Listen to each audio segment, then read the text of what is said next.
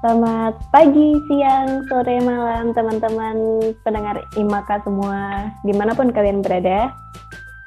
Um, selamat datang lagi di podcast Cabi, yaitu Cangkruk bareng IMAKA. Yeay, tepukan guys. Yeay. nah, uh, seperti yang sudah kalian dengar, di sini aku nggak sendirian, ada suara-suara misterius yang lain. Dan di sini aku ada dua suara misterius nih karena aku punya dua narasumber sekaligus. Langsung aja kita sambut Aiko dan Elza. Yeay. Yeay. Yeay. siapa dulu nih? Mantap, mantap. Ayo aku kenalan dulu siapa deh. Terserah. Oh, Elza dulu aja, Elza. Nah, oke. Okay. Halo teman-teman, aku Elsa dari Fakultas Kedokteran Gigi UGM 2019. Uh, asal Pekalongan. gitu aja kali ya, Zaf. ya, bisa bisa. Oke, oke. Terus terus Aiko Aiko. Halo, aku Aiko dari FKG 2019 juga. Dari Pekalongan juga. Jurusannya apa nih? uh, kalau aku jurusannya hygiene gigi. Uh, oke okay, oke okay nih. Uh, Teman-teman, tapi kan ini ada pendidikan gigi. Nah, tuh ada dua jurusan yang beda padahal satu fakultas FKG. Penasaran nggak teman-teman? Penasaran dong, harus penasaran lah karena kita memasuki episode kenal fakultas. Yang pertama adalah Fakultas Kedokteran Gigi. Yay. Yay, yay. Yay, yay. Jadi teman-teman dari FKG um, gimana nih FKG selama setahun kalian berproses di situ? Surprise nggak dengan isinya? Surprise banget dong. Ceritain dong. Sangat membuat kenapa? Tercengang ya. Iya nggak? Kenapa? Buat sangat membuat tercengang banget pokoknya. Ya dari segala aspek ya nggak sih kok? Iya dari dari akademisnya terus dari apa ya orang-orangnya dari semuanya lah pokoknya kayak ya, gitu. Oh, jadi kalau di FK gitu ada berapa ini sih? Ada berapa jurusan? Ada dua. Yang pertama itu jurusannya Elsa itu pendidikan dokter gigi. Terus yang kedua itu jurusanku uh, hygiene gigi. Kalau bedanya apa tuh? Aku pikir FKG ya udah FK aja FKG kedokteran gigi. Ternyata beda ya uh, biasanya itu ya kalau di kebanyakan kampus FKG itu biasanya emang cuman kayak satu jurusan gitu loh. Kayak FKG ya uh, khusus kayak kedokteran gigi doang gitu. Cuman kalau di UGM itu ada dua jurusan. Nah uh, prodiku itu termasuk baru ya. Tadinya itu kan uh, namanya ilmu keperawatan gigi. Tapi pas tahun 2015 itu dia ganti jadi hygiene gigi. Jadi itu prodinya prodi itu kayak satu-satunya gitu loh di Indonesia. Jadi itu kayak oh. mungkin belum pada kenal gitu loh sama prodiku hmm, jadi, tapi secara keseluruhan ini gitu. sama yang ilmu keperawatan. Kalau secara apa ya belajarnya keilmuannya itu ya hampir-hampir mirip. Cuman itu bedanya itu kalau uh, prodiku itu lebih ke promotif preventif. Jadi kalau perawat itu mereka kan lebih ke penanganan ya. Kayak misalnya udah sakit nih. Nah itu yang menangani kan dokter sama perawat. Nah kalau misalnya mencegah biar nggak sakit jadi mungkin lebih mirip ke kesehatan masyarakat sih kalau di kedokteran umum kan ada kesehatan masyarakat nah di kedokteran gigi itu dia punya hygiene gigi Iya benar kayak gitu. Oh, kalau yang uh, pendidikan dokter gigi gimana nih? uh, kalau pendidikan dokter gigi itu jadi nanti kita uh, akhir-akhirnya ya bakal jadi dokter kayak yang dokter gigi pada umumnya yang kalian sering temuin gitu. Ada dokter umum, dokter spesialis yang uh, menangani pasien langsung gitulah. Uh, kalau kedokteran gigi itu ada ininya nggak ya? Ada spesialisnya lagi nanti? Ada. Jadi ini sistemnya hampir mirip uh, sama FK sebenarnya jadi nanti kita uh, pendidikan yang akademis dulu ya, kli, uh, apa? 4 tahun S1 nanti setelah S1 itu baru kita ada koas, koas 2 tahun. Setelah itu kita baru bisa jadi dokter, dokter umum. Nah, setelah jadi dokter umum itu kalau misal uh, nanti mau ngambil spesialis lagi misal spesialis orto atau spesialis kedokteran gigi anak banyak ya uh, apa namanya spesialis-spesialis dokter kedokteran gigi itu nah untuk uh, apa namanya spesifikasinya biar bisa daftar spesialis itu uh, aku juga belum baca-baca lebih jauh sih Zaf. Jadi mungkin atau harus kerja dulu dua tahun atau gimana aku belum baca terlalu jauh sampai situ sih. Yang jelas yang aku tahu ada spesialis. Kayak dokter umum yang lain gitu. Oh gitu terus um, kira-kira kalau sendiri ada nggak sih pengen ke mana gitu spesialisnya atau cukup dokter gigi umum aja? Uh, sebenarnya sih ya Zaf uh, aku dulu pengen jadi ah dulu sebenarnya aku tuh nggak tahu kalau uh, kedokteran gigi itu ada spesialisnya. Aku pikir kedokteran gigi itu ya cuma dokter umum aja gitu. Ternyata uh, kedokteran gigi itu ada spesialisnya juga. Terus aku mikirkan, aku ngambil apa ya? Terus akhirnya uh, ada nih spesialis yang aku pikir aku mau nih. Nanti insya Allah ke depannya kalau misal aku uh, dikasih kesempatan buat ambil spesialis, aku mau spesialis orto yang behel-behel gitu loh. Nah, tapi aku juga pengen ke tertarik ke bedah mulut gitu. Keren keren keren. Keren sih. Aku baru jujur aku baru tahu loh kalau uh, dokter gigi tuh ada spesialisnya kan aku pikir uh, ya udah lulus dokter gigi terus bisa menguasai semua bidang gitu kayak yang dokter gigi yang pada umumnya. Ternyata ada juga ya spesialis-spesialisnya. Iya, benar. Hmm, kalau hygiene gigi gimana? Kira-kira prospeknya tuh apa sih kalau di hygiene gigi ke depannya? Kalau hygiene gigi itu dia bisa jadi asisten dokter gigi, bisa sih kayak mirip-mirip lah kayak perawat gitu. Terus bisa juga jadi dosen, terus peneliti, terus iya kayak manajemen rumah sakit atau manajer rumah sakit atau manajer klinik kayak gitu-gitu bisa kalau buat sebagai dental hygiene sendiri itu juga bisa tapi nanti mungkin kayak ada kalau nggak salah itu kalau di luar negeri ya dia itu udah ada profesinya. Cuman kalau di Indonesia itu kayak belum belum ada gitu loh profesinya. Jadi kayak misal tadi kan kalau Elsa kan habis S1 dia kan koas itu kan koas itu namanya kan pendidikan profesi. Nah kalau di hygiene gigi itu sebenarnya juga ada pendidikan profesi kalau setauku ya. Uh, tapi di Indonesia belum belum ada belum apa, apa ya belum ada yang mengadakan pendidikan profesi itu. Tapi mungkin buat ke depannya sih ya semoga aja ada sih. Oh ya kalau enggak kalau kalau enggak gitu kamu yang keluar negeri aja daripada nunggu di Indonesia. Amin. Iya aku pengen hidup di luar negeri terus uh, yang dipelajarin di FKG nih apa aja? Uh, dari siapa dulu nih dari aku ya? Ya Elsa boleh, boleh aja. Nah, jadi dulu aku mikirnya FK sama FKG itu materi belajarnya itu FKG jauh lebih mudah aku pikir dulu. Ternyata setelah aku masuk kita tuh FKG belajarnya juga sama kayak anak FK kita belajarin benar-benar seluruh tubuh dari kepala sampai kaki yang sebenarnya itu dokter gigi kan nggak terlalu ngurusin kaki gitu ya atau tangan. Iya bener banget. Ya kan? tapi kita tetap belajar anatomi dari benar-benar dari kepala sampai dalam-dalamnya juga gitu.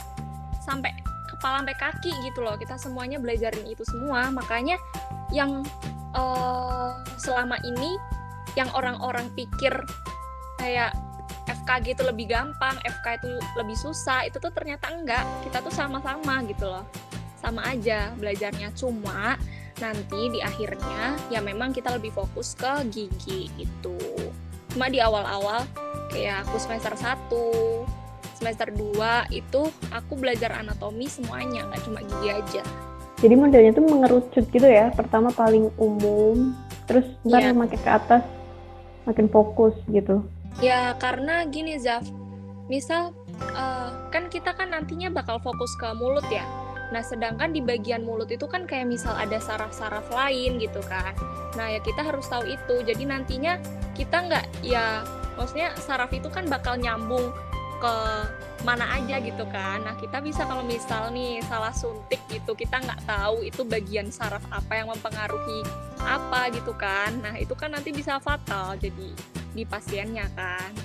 Iya benar. Tuh. Menghindari malapak malapraktik. Iya Bener. malpraktik gitu. Kalau yang di hygiene gigi belajarnya juga sama.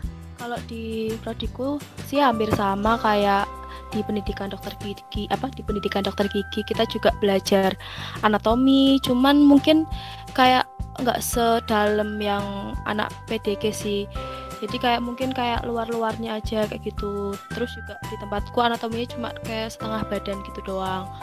Terus ya juga belajar kayak apa ya eh, kayak saraf-sarafnya juga. Terus kayak reaksi-reaksi kimia di tubuh kayak gitulah.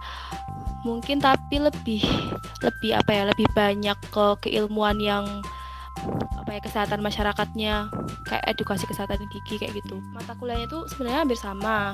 Yang dipelajari sama kayak anak PDG cuman lebih banyak ke ilmu yang untuk terjun ke masyarakatnya kayak gitu. Oke, terus kalian ada nggak eh, mata kuliah yang saling bersinggungan gitu antara hygiene sama FKG? Ada nggak sih yang berhubungan?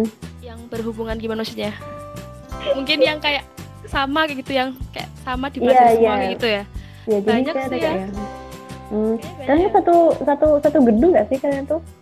Kita satu gedung, cuma dan depan depanan ya kita itu ya Nggak, ya kelasnya depan-depanan cuma jujur aku nggak gitu ngerti materi apa yang dibelajarin hygiene gitu kan. Karena kan kita kelasnya beda gitu. Jadi aku ya cuma tahu uh, bagianku si Iko ya tahu bagian dia gitu loh. Jadi ya mungkin di sini kita bisa saling berbagi kok. Iya, bener. bener. Jadi kamu tahu aku aku tahu kamu gitu loh. Kadang itu eh, misal nih matkul apa kayak gitu. Kalau di tempat kan pakainya kan matkul kan. Kalau di tempatnya LC itu pakainya topik gitu. Kalau topik aku nggak terlalu paham sih dia sistemnya kayak gimana. Cuman kadang misal tempatku matkul ini udah dapat kadang di tempatnya LC itu belum kayak gitu. Kadang di tempatnya LC udah dapat di tempatku belum. Jadi kayak ganti-gantian gitu loh. Sharing gitulah.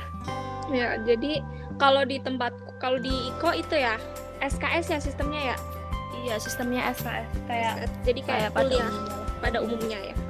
Kalau di aku tuh eh, sistemnya kayak anak-anak FK pada umumnya eh, blok gitu loh. FKG juga banyak sih di univ lain yang udah pakai blok. Cuma aku masih eh, pakai semi blok. Jadi kayak nggak blok-blok banget gitu loh. Kayak ya maksudnya kalau yang blok itu kan dia bener-bener eh, nggak ada uas gitu kan. Nggak ada uas nggak ada UTS gitu. Nah aku nih masih ada eh, nggak ada UTS sih cuma tetap ada uas. Dan kita ujian kayak topik ini selesai kita ujian gitu loh. Topik ini selesai ujian gitu. Tadi aku banyak dengar istilah-istilah baru nih yang asing buat aku. Kayak blog topik.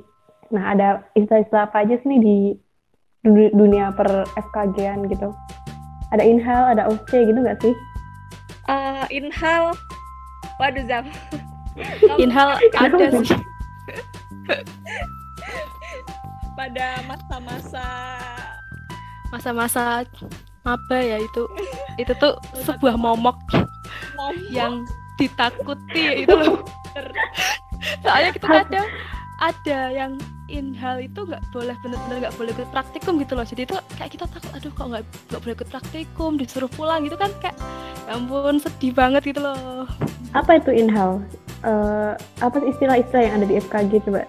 Jadi beserta inhal artinya? tuh inhal itu kayak kita biasa nyebutnya remet gitu. Remet. Nah ya biasanya kan eh, biasanya si inhal ini adanya di praktikum-praktikum gitu. Misal nanti kita mau praktik besok kita mau praktikum A nih. Biasanya sebelum masuk eh, praktikumnya itu sebelum kita mulai praktikum biasanya kita ada pretest gitu.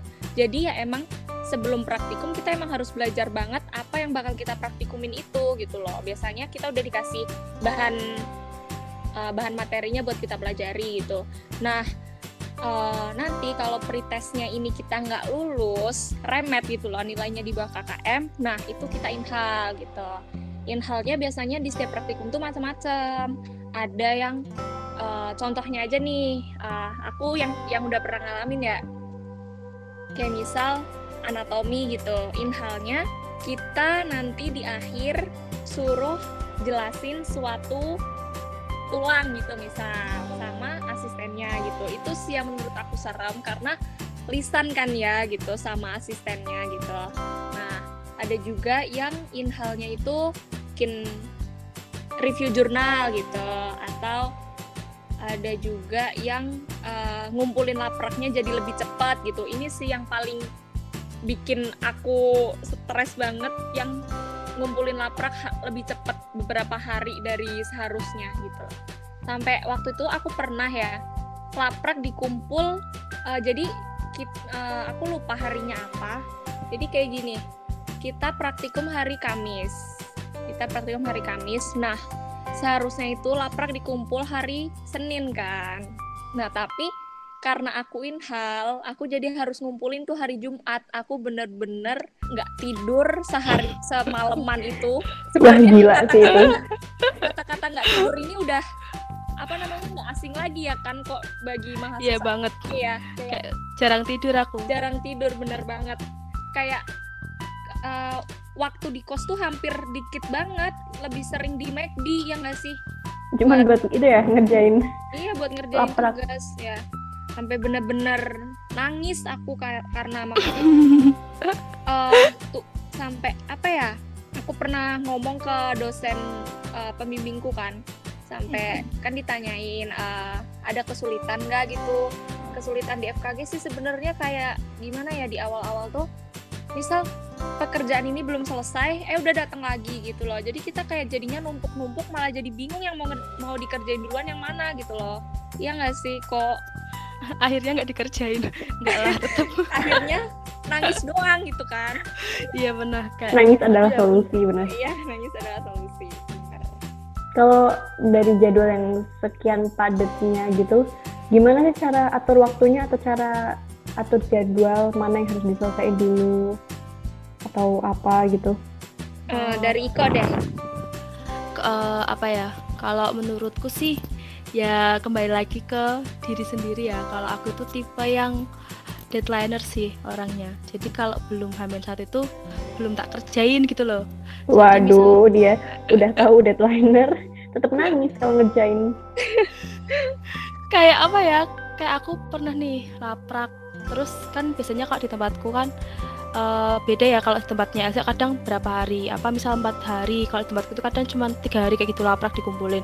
Nah tahu lah praktek tiga hari. Aku dikumpul hari Senin. Aku ngerjain itu hari Minggu. Kayak nulis tangan gitu loh laprak itu kayak nulis tangan. Dan itu tuh nggak selembar dua lembar itu berlembar-lembar banyak banget. Belum lagi ngeprint materi. Udah tahu kayak gitu loh mau dikumpulkan tapi aja aku deadline terus ya udah terpaksa dikerjain kan. Nah kalau aku tuh udah kayak mau wanti-wanti. Nanti besok nggak mau kayak gitu lagi nggak mau kayak gitu lagi. Tetap aja kayak gitu jadi aku tuh termasuk bukan orang yang bisa atur waktu dengan baik gitu ya. Pas itu pas awal-awal kuliah. Terus kayak pas semester 1 uh, eh, kayak nilaiku tuh uh, jelek gitu loh. Ya nggak jelek-jelek banget di antara temanku tapi termasuk jelek kayak gitu. Gimana ya?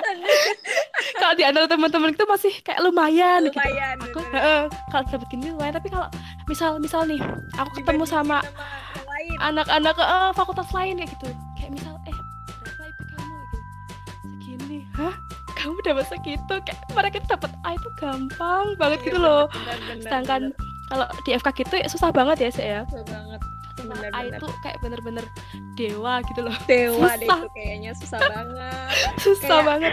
Struggle banget deh. belajar iya sumpah. pun sampai belajar nggak tidur pun kayak susah banget dapat nilai A. Oh, susah banget dapat A pas semester 2 kayak aku kayak mulai kalau kayak gitu terus uh, kayaknya aku nilaiku nggak bakal naik terus juga kayak mungkin kuliah aku bakal berantakan kayak gitu gitu terus ya kalau semester 2 itu mulai nggak mulai nggak mencoba apa mulai mencoba buat nggak deadlineer kayak gitu. Terus juga uh, mulai apa ya kayak ikut-ikut organisasi kayak gitu gitulah ikut bem fakultas itu ikut event apa kayak gitu. Jadi kayak kalau misalnya kita sibuk itu terpaksa gitu loh harus harus bisa ngatur waktu ya enggak sih? Kadang kalau misalnya kita gabut deh kalau gabut itu kayak ayo ah, udahlah uh, misalnya uh, lihat Twitter dulu kayak gitu nonton drakor dulu kayak gitu kayak merasa sangat tidak produktif. Nah kalau misalnya misalnya nih hari ini ada tugas hari ini, besok ada event besok ada rapat bem kayak gitu itu kan kita terpaksa harus ngerjain hari itu juga biar nggak tumpang tindih kan sama yang iya, lain ya, gitu sih itu bisa membuat orang secara alami mengatur waktu sih menurutku kayak iya gitu. sih bener sih. Kayak kalau aku gimana ya mau dibilang deadlineer atau enggak tuh aku bingung. Soalnya kita itu praktikum hampir uh, maksudnya setiap hari gitu loh hampir ya, setiap hari, hari. jadi ngerti gak sih? Misal ya kita uh, ya bingung gak sih mau disebut itu tuh deadlineer atau enggak? Misal uh -uh. kan kita karena emang deadline-nya deket-deket gitu ya? Iya gitu loh habis praktikum nih kita bikin laprak kan. Nah sedangkan laprak itu kan banyak gitu kan. Banyak banget kita harus cari sumber-sumber yang kadang apa namanya sumbernya kita tuh Inggris gitu loh. Juga kita kan harus hmm, kayak mengartikan. nerjemahin dulu gitu kan.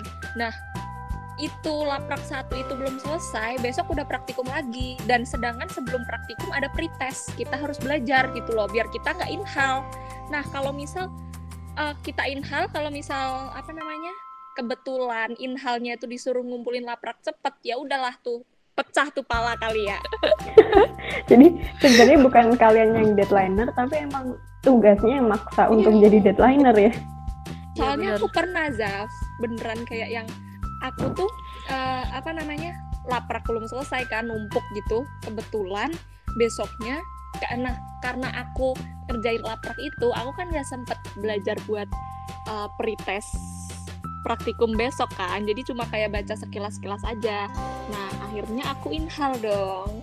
Nah di praktikum itu kebetulan tugas inhalnya tuh suruh ngumpulin laprak tepat. Ya udah deh itu aku sampai beneran nggak tidur. Kayak ya tidur itu kayak suatu keajaiban gitu kali ya bagi anak FKG suatu ya. hadiah terbesar. Suatu hadiah. Bahkan saking kita jarang tidurnya itu kalau misal ada waktu apa kelas kosong gitu misal kita tuh kayak bahagia banget gitu loh kayak malah bener-bener. aneh. Hah? Ini nganggur nih. Ini bisa tidur nih kita kayak aneh gitu loh. Besok saking saking nggak pernahnya gitu ya. Saking nggak pernahnya gitu loh. jarang bukan nggak pernah sih jarang. Jarang ya sih bukan nggak pernah. sih ya, eh, ya bener sih kalau nggak tidur ya udah metong kali ya. Gila gila. Kayak denger cerita dari kalian tuh kayak bayangin aduh capek banget. Juga kuliah di FKG kalau online gini gimana nih? Tetap kayak gitu juga sehektik itu? Iya, uh, kalau aku ya sih. kalau sebenarnya gini sih. Kalau online gini jujur ya bagi aku itu nggak se hektik itu sih menurut aku maksudnya jadwal tetap padat. Cuma aku nggak ngerasa yang kayak bener-bener badan ini terforsir banget gitu loh. Nggak bener-bener kayak capek banget. Karena apa? Kita kan uh, kuliah ini kan uh, jujur-jujuran aja nih ya. Aku misal kuliah pagi gitu aku tuh nggak pernah mandi gitu loh. Kayak yang kita kan ya udah bangun tidur nyalain laptop duduk kan maksudnya nggak perlu siap-siap nggak perlu banyak energi gitu loh. Sedangkan kalau di kampus kan kayak energinya banyak yang dikeluarin harus naik tangga tiga harus lantai. naik tangga ke lantai nah, tiga. ini sumpah nah, ini apalagi males banget. naik, naik motor apalagi naik mobil. Buset parkirnya jauh banget gitu loh. Kayak itu udah energinya udah keluar banyak di situ. Apalagi nambah mikir kan. Terus kayak di kelas rame gitu. Kalau online kan gini kan kita belajar sendiri gitu loh. Jadi kayak menurut aku sih uh, bisa lebih fokus sih gitu. Ya walaupun uh, online kayak gini bikin mata lebih capek sih. Jadi ngeforsirnya ngeforsir mata ya bukan ngeforsir iya, badan. tapi nggak apa-apa at least bisa kuliah sambil rebahan sih. Ya benar. online gini. Bener bener bener sih gitu. Kalau Iko sama? Kalau Sama aku online. sih, kalau online itu, kalau aku malesnya itu apa ya? Kayak tugas jadi lebih banyak dari biasanya sih. Mungkin badan itu nggak capek ya, tapi pikiran itu kayak ya capek banget tiap Senin sampai Kamis itu ya. Pasti aku tuh ya ampun kayak nggak bisa slow gitu loh. Baru setelah itu Jumat soalnya Jumat itu jadwalku cuman praktikum doang pagi, paling sampai jam 10 kayak gitu 8 sampai jam 10. Kalau Senin sampai Kamis itu beneran dari pagi sampai sore sampai dari jam 8 sampai jam 3 terus habis itu ada apa ya kayak ada tugas. Misalnya nih ada yang asinkron pasti kan dosennya kan kuis kan. Nah kalau kuis kan kadang kita harus nyatet dulu belajar dulu kayak gitu. Terus juga praktikum juga harus pretest praktikum ada tiga praktikum seminggu kayak gitu kan kalau di tempatku. Itu kan harus pretest kayak gitu. Kita harus belajar. Pokoknya ya hampir sama sih cuman bedanya yang capek pikiran kalau badan enggak sih. Kalau- badan mah enggak soalnya ya Iya, sambil rebahan. Sambil rebahan. Tapi enaknya online kayak gini tuh juga jadi eh, lapraknya tuh kita nggak nulis tangan gitu loh, diketik eh enggak enggak enggak aku nulis tangan tetap dong nulis. Ayo nulis tangan ada dong kesenjangan sosial nih. Sorry ya kok, aku sekarang udah nggak ada nih nulis-nulis tangan ya, udah nggak zaman. kalau dulu itu yang ya? semester 2 eh tadinya kan tulis tangan kan terus jadi diketik nah pas semester Hmm. 3 ini kayak dia ditulis tangan juga tapi terus di scan di scan gitu tetap tulis tangan Oh gitu. cuman nggak nggak banyak banget gitu sih lapraknya nggak sebanyak yang dulu pas semester 1 itu kan Iya. lapraknya banyak Aku cuma satu sih yang awal-awal kita baru apa namanya pandemi itu ada tetap laprak yang ditulis tangan. Cuma kayaknya cuma itu sekali. Habis itu bener-bener full diketik deh kayak itu bener-bener memudahkan banget sih kayak ya apalagi maksudnya kalau dulu kan kita harus ngeprint sumbernya juga kan terus di highlight ya? juga. Kalau kayaknya matkul yang sama deh. Oh, iya. Nah, kalau sekarang itu enggak. Kayak misal ya udah kita nyantumin kayak daftar pustaka aja, kita nggak perlu ngeprint atau nam, apa namanya? eh, ngumpulin sumbernya di highlight pula. Kayak gitu kita nggak sekarang nggak perlu sih. Jadi kayak lebih ringan sih menurut aku Terus kalau praktikum, kalau online ngapain tuh? Kan nggak bisa ke lab atau gimana? bikin video kalau aku sih kalau Elsa gimana sih Kalau aku eh ada waktu itu aku bikin video, terus ada yang praktikumnya eh, kayak foto, ngefoto gigi gitu loh, ngefoto gigi pasien. Tapi ada juga praktikum yang jadi asistennya tuh yang ngevideoin, kita nonton video mereka gitu loh. Buat nonton doang iya nonton doang gitu. Jadi kita Oh. kayak ngerti gak sih kita kayak eh, kita nontonin asisten lagi praktikum gitu loh. Jadi Terus nge-review gitu berarti? iya data-datanya kita buat bikin lapraknya kita dapatnya dari situ gitu. Kita sama dikasih itu kita dikasih buku panduannya juga gitu. Berarti nggak nggak menyentuh pasien secara langsung ya kalau lagi online gini kalian kalau praktikum? Enggak, Kalau itu sih. kalau aku sih eh, menyentuh sih tapi nggak pasien beneran gitu jadi kayak pasiennya itu biasanya keluarga aku atau temanku gitu ada kan matkul yang suruh bikin video misal video periksa gigi Oh iya atau iya iya. Heeh, terus kayak misal mengidentifikasi nih giginya misalnya ada gigi berlubangnya terus ada bercak coklatnya kayak gitu-gitu. Juga ngecek apa ya pemeriksaan apa ya buat kalau namanya itu pemeriksaan ekstra oral kayak misal apa ada abnormal pada anatomi tubuh kayak gitu-gitu. Biasanya itu kalau bikin video kayak gitu tuh susahnya itu nyari pasiennya yang mau gitu. Soalnya itu kan kita harus buka mulutnya kita harus meriksa mulutnya itu nggak semua orang itu mau gitu loh Iya iya iya. Jadi kayak main dokter-dokteran pas kecil gitu. bener-bener Oke, sekarang em, kita lupain dulu kehidupan akademis yang super hektik.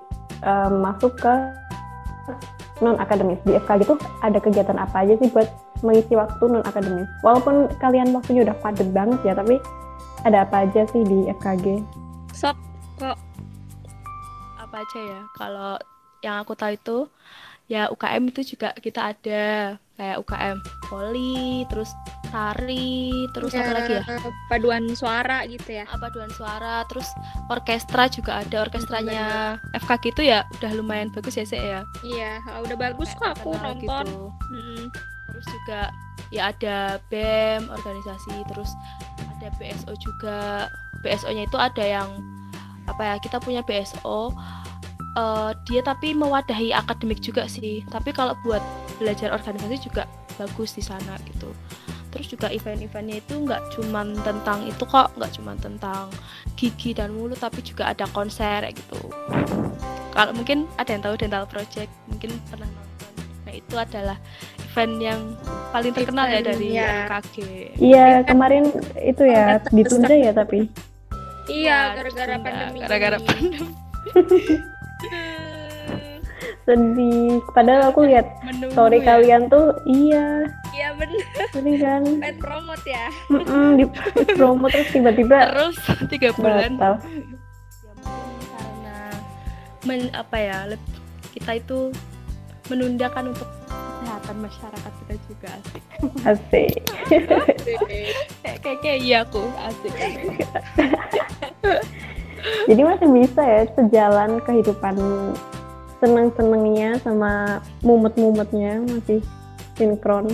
iya tapi kadang itu banyak anak FKG yang apa ya kayak yang nggak tertarik sama non akademis gitu loh kayak Saking pusingnya atau gimana tuh? Saking karena saking pusingnya atau emang nggak sempet? lebih banyak apa ya banyak yang fokus kayak kuliahnya kayak gitu loh jarang sih yang misalnya nih ada oprek bem itu tuh nggak nggak yang banyak banget itu nggak kayak gitu ya banyak sih cuma itu kayak nggak yang semua orang itu berminat ikut bem atau semua orang itu berminat jadi panitia event kayak gitu tuh eh, nggak apa ya nggak terlalu tinggi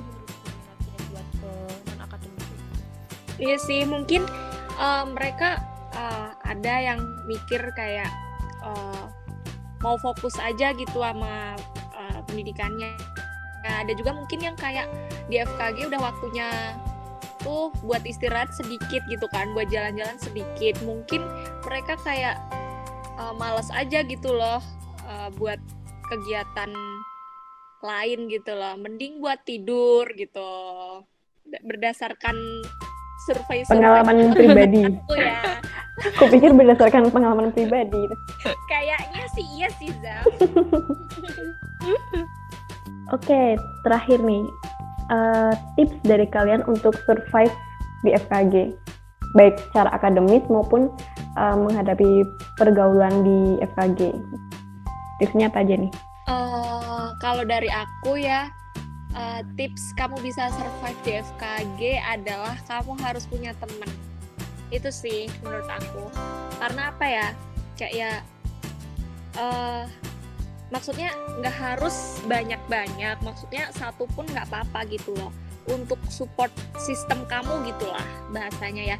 Kayak eh, misal gini di waktu-waktu kita sulit gitu. Di FKG kan kita sibuk banget gini kan. Pasti kayak eh, butuhlah orang yang buat support kita buat misal ingetin kita belajar atau misal kita lagi down itu ada temen yang buat eh, bisa menghibur kita gitu loh. Kayak aku tahu sih ya, maksudnya kehidupan perkuliahan itu pertemanan itu bakal seleksi alam gitu. Tapi seenggaknya kita harus menurut aku ya di awal-awal kita harus cari temen yang banyak gitu loh. Jadi kita ngerasanya walaupun kita sulit ini pengalaman aku pribadi ya eh, walaupun aku eh, lagi susah gitu lagi keadaan kayak susah misal aku inhal nih atau ada materi yang susah gitu loh. Aku nggak ngerasa aku nih susah sendirian gitu loh karena aku punya teman gitu gitu sih.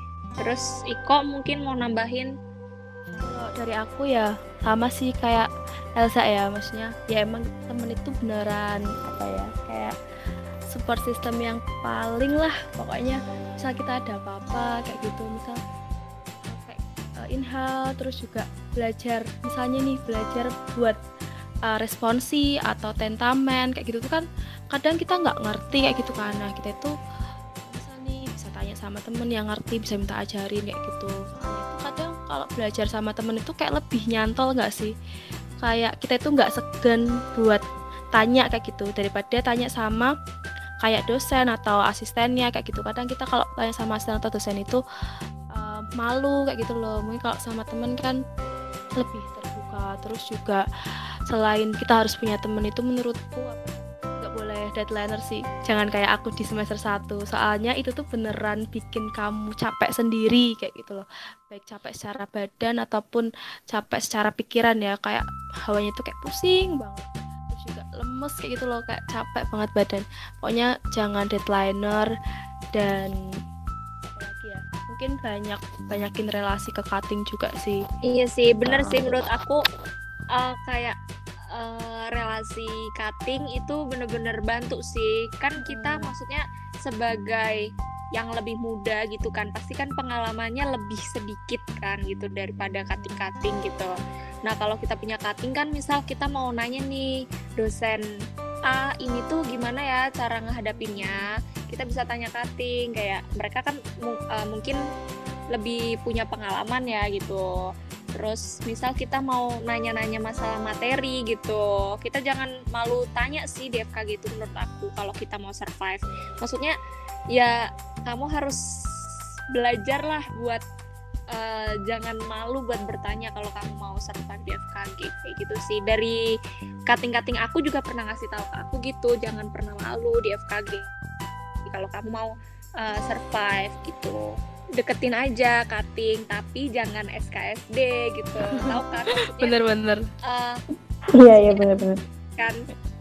Nggak dekat tapi nggak SKSD yang gitu. sok kenal gitu.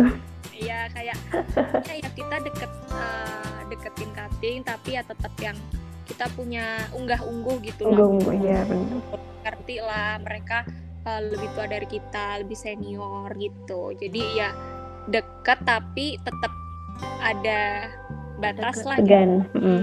tegan gitu Oke, jadi kesimpulannya untuk survive adalah harus pandai bersosialisasi ya. Iya. Kan nggak bisa hidup sendiri.